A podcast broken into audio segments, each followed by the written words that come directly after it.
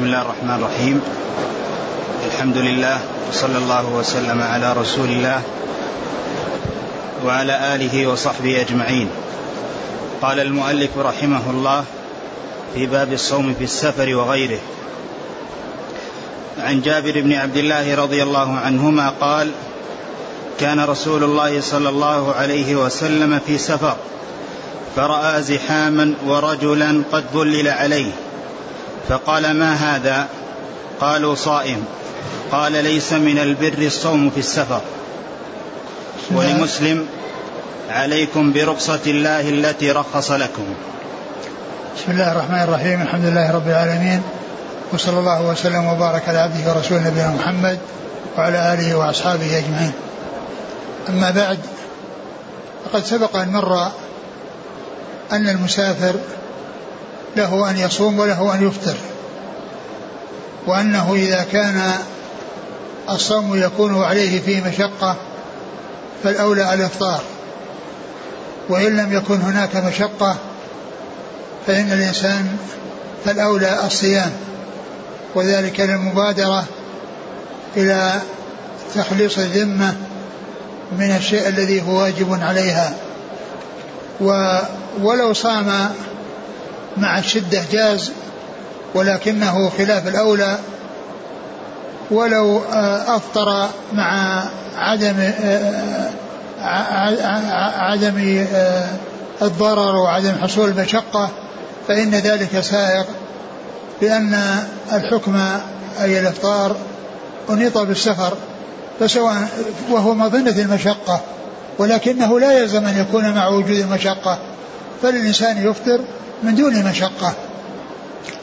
ثم إن المصنف رحمه الله أورد هذا الحديث عن جابر رضي الله عنه أن النبي صلى الله عليه وسلم كان في سفر فرأى زحاما ورجل قد ظلل عليه. الرسول عليه الصلاة والسلام رأى ناس مجتمعين وهذا شيء يلفت النظر. فسأل النبي صلى الله عليه وسلم عن هذا الذي قد حصل وسبب هذا الزحام فذكر له عليه الصلاة والسلام أنه رجل صائم يعني قد تعب وأنهكه الصوم وذلك في شدة الحر وأنه آه، قد آه، ظلل عليه فقال عليه الصلاة والسلام ليس من البر الصيام في السفر ليس من البر الصوم في السفر يعني أن الإنسان يشق على نفسه ويلحق الضرر بنفسه. ليس هذا من البر. وإنما الإنسان يصوم إذا لم يكن عليه مشقة. أما إذا كان عليه مشقة فالأولى له أن يفطر وألا يصوم. وأن هذا ليس من البر. بل البر في كون الإنسان يأخذ بالرخصة ولا يحمل نفسه ما لا تطيق ويشدد على نفسه ويضيق على نفسه بحيث ينهكه الصوم في السفر ويلحق به الضرر بحيث آه، يعني يحصل له تعب وإغماء أو غير ذلك بل عليه أن يأخذ برخصة الله سبحانه وتعالى. فهذا يدلنا على أن الصوم إذا كان يترتب عليه مشقة ويلحق صاحبه مضرة فإن الأولى له أن يفطر وألا يصوم وإنما الصيام في حال عدم المشقة. نعم. ولمسلم عليكم برخصة الله التي رخص لكم. ولمسلم عليكم برخصة الله التي رخص لكم. يعني هذا الذي حصل حصل له الضرر وبسبب الصوم ما كان ينبغي له أن يحمل نفسه ما لا تطيق وإنما عليه أن يأخذ بالرخصة التي رخص الله تعالى بها للناس. وهي أن الإنسان يفطر في السفر وسواء كان لمشقة أو لعدم مشقة. الإفطار في السفر سائغ وقد جاء به القرآن فمن كان منكم مريضا على سفر فعدة من أيام أخرى. وجاءت به السنة عن رسول الله صلى الله عليه وسلم. ورسول ومر في الأحاديث السابقة أن الرسول عليه الصلاة والسلام كان يصوم في السفر وأن أصحابه كانوا معه ومنهم الصائم ومنهم المفطر فلا يعيب المفطر على الصائم ولا الصائم على المفطر. فإذا الله تعالى رخص للناس ولم يكلفهم ما لا يطيقون وجعل في دينهم آه، سعة ورفعا للحرج ودفعا للمشقة فعليهم أن يأخذوا برخصة الله عز وجل التي رخص الله تعالى لعباده بها. نعم. وعن أنس بن مالك رضي الله عنه قال كنا مع النبي صلى الله عليه وسلم في السفر فمنا الصائم ومنا المفطر. قال فنزلنا منزلا في يوم حار وأكثرنا ظلا صاحب الكساء فمنا من يتقي الشمس بيده. قال فسقط الصوام وقام المفطرون فضربوا الأبنية وسقوا الركاب. فقال رسول الله صلى الله عليه وسلم ذهب المفطرون اليوم بالأجر. ثم ذكر هذا الحديث عن أنس رضي الله عنه انه أن أنهم كانوا مع النبي صلى الله عليه وسلم في سفر فكان فيهم الصائم وفيهم المفطر. فكان فيهم الصائم وفيهم المفطر. هذا سائغ وهذا سائغ. للإنسان أن يصوم وله أن يفطر. لكن إذا كان في مشقة الأولى أن يفطر وإذا لم يكن هناك مشقة الأولى أن يصوم. فكان في تلك السفرة يعني الحر شديد. يعني كان في شدة الحر. ومنهم من يتقي الشمس بيده. ويعني ومن كان معه كساء يعني هذا معه يعني شيء معه عنده غنيمة. وعنده شيء يعني يحول بينه وبين الشمس. بأن يضعه على عود أو يضع في آه يعني شيء فيتظلل به. قال وأكثرنا ظلا صاحب الكساء أي الذي معه كساء. فلشدة الحر الصوام سقطوا جلسوا ما استطاعوا أن يتحركوا وما استطاعوا أن يعملوا شيئا. والمفطرون الذين ما كانوا صائمين قاموا فسقوا الركاب. وضربوا, وضربوا الأبنية. يعني ما كان معهم من خيام وما إلى ذلك ضربوها وسقوا الركاب. فقال عليه الصلاة والسلام ذهب المفطرون اليوم بالأجر. يعني ليس معنى ذلك أن الصوام ما أجروا هم مأجورون. ولكن أجر الصيام قاصر ولا يتعدى صاحبه. وأما المفطرون فإنهم قاموا بخدمة إخوانهم. وقاموا بالعمل آه، في سقي الإبل وفي آه، خدمة إخوانهم وصار لهم الأجر العظيم في ذلك لأن نفعهم متعدي متعد إلى غيرهم. والنفع المتعدي أعظم وأفضل من النفع القاصر. فعند ذلك قال النبي صلى الله عليه وسلم ذهب المفطرون اليوم بالأجر. إذا كونهم قاموا بهذه الأعمال الجليلة وهذه الأعمال العظيمة التي يؤجرون عليها فصار حظهم كثير حظهم من الأجر عظيما وهم مفطرون. أولئك في عبادة ولكنه حصل لهم مشقة وأخذوا جلسوا في الأرض وهؤلاء مفطرون فيأكلون ويشربون وعندهم نشاط وعندهم حركة فقاموا بهذه المهمة التي هي خدمة إخوانهم فقال عليه الصلاة والسلام ذهب المفطرون اليوم بالأجر يعني الأجر العظيم. وليس معنى ذلك أن أن أولئك ليس لهم أجر لهم أجر اللي هم الصائمون. ولكن هؤلاء لهذا العمل الجليل الذي قاموا به ولهذا النفع المتعدي الذي الذي نفعه لهم ولغيرهم صار أجرهم عظيما وثوابهم جزيلا. ولهذا قال صلى الله عليه وسلم ذهب المفطرون اليوم بالأجر. أي بأجر عظيم وثواب جزيل. وليس معنى ذلك أن أن أولئك ليس لهم أجر. لهم أجر. ولكن هؤلاء أعظم أجرا.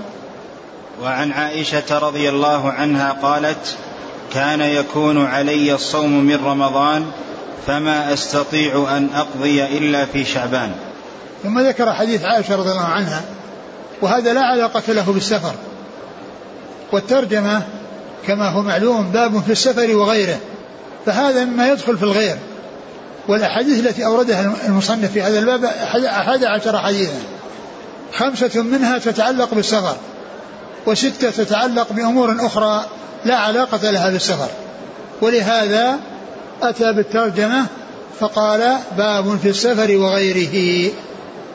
فإذا من سأل وقال إيش علاقة آه، حديث عائشة في كونها لا تستطيع القضاء؟ إلا في شعبان. إيش علاقته في في باب السفر؟ يعني يقال علاقته في غيره كلمة غيره اللي جاء بها المصنف. لأنه لو لم يأتي بغيره يعني جاء الإيراد ويقال أنه لا مناسبة بين هذا الحديث وبين السفر أو الصوم في السفر. ولكنه لما كان الترجمة آه، فيها يعني لفظ عام يشمل أمورا متفرقة وأمورا متعددة ساق أن يأتي بهذه الأشياء ولا يحتاج بأن يسأل إيش المناسبة يعني بالسفر لأن المقصود هو كلمة وغيره التي جاءت في آه، الترجمة. حديث عائشة رضي الله عنها تخبر أن أنه يكون عليها الصوم من رمضان القضاء بسبب الحيض أو بسبب السفر. فما تستطيع أن تقضي إلا في شعبان. وذلك من أجل آه، آه، يعني شغلها برسول الله صلى الله عليه وسلم واستعداد واستعدادها للرسول صلى الله عليه وسلم لقضاء حاجته وما يريده عليه الصلاة والسلام.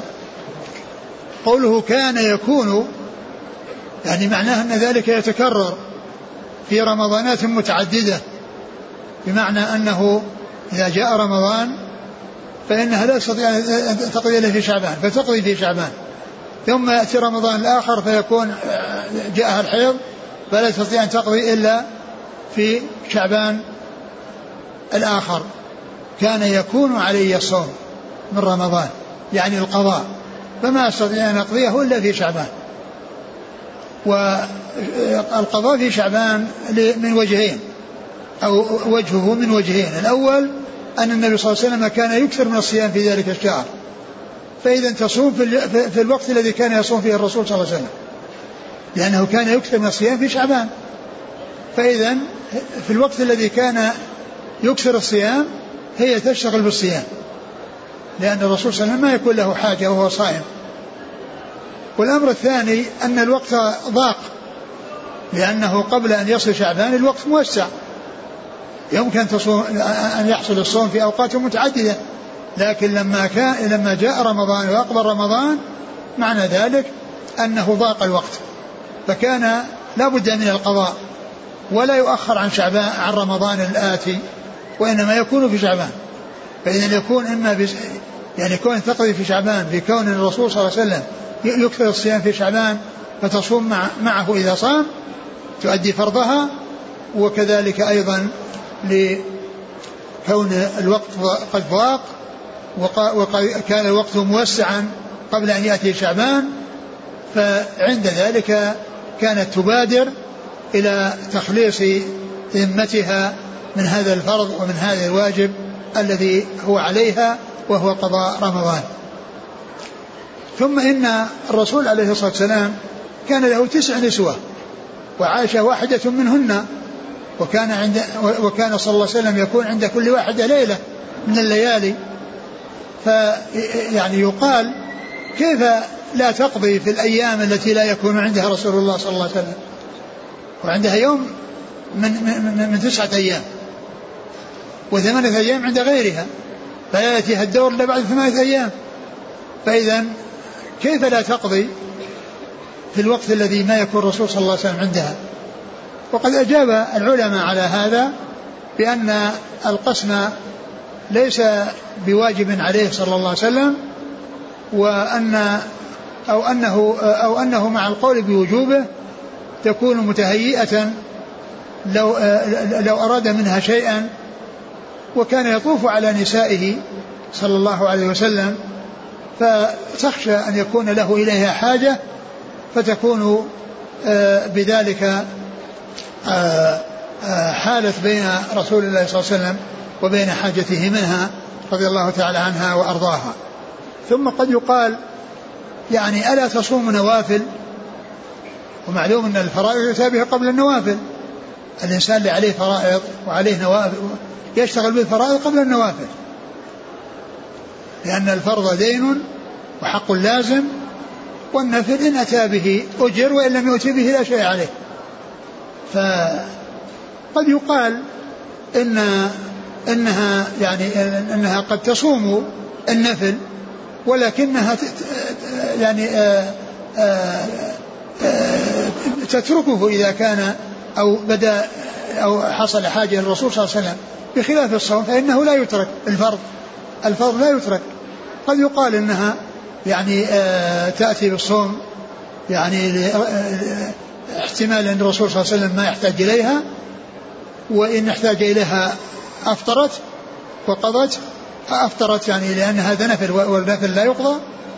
وأما الفرض فان فإن آه، إذا دخلت فيه فإنها لا لا تتركه. لا تترك الفرض إذا دخلت فيه. وإنما النفل يمكن أن يترك إذا دخل فيه آه، الإنسان. والله تعالى أعلم وصلى الله وسلم وبارك على نبينا نبينا محمد وعلى آله وأصحابه أجمعين.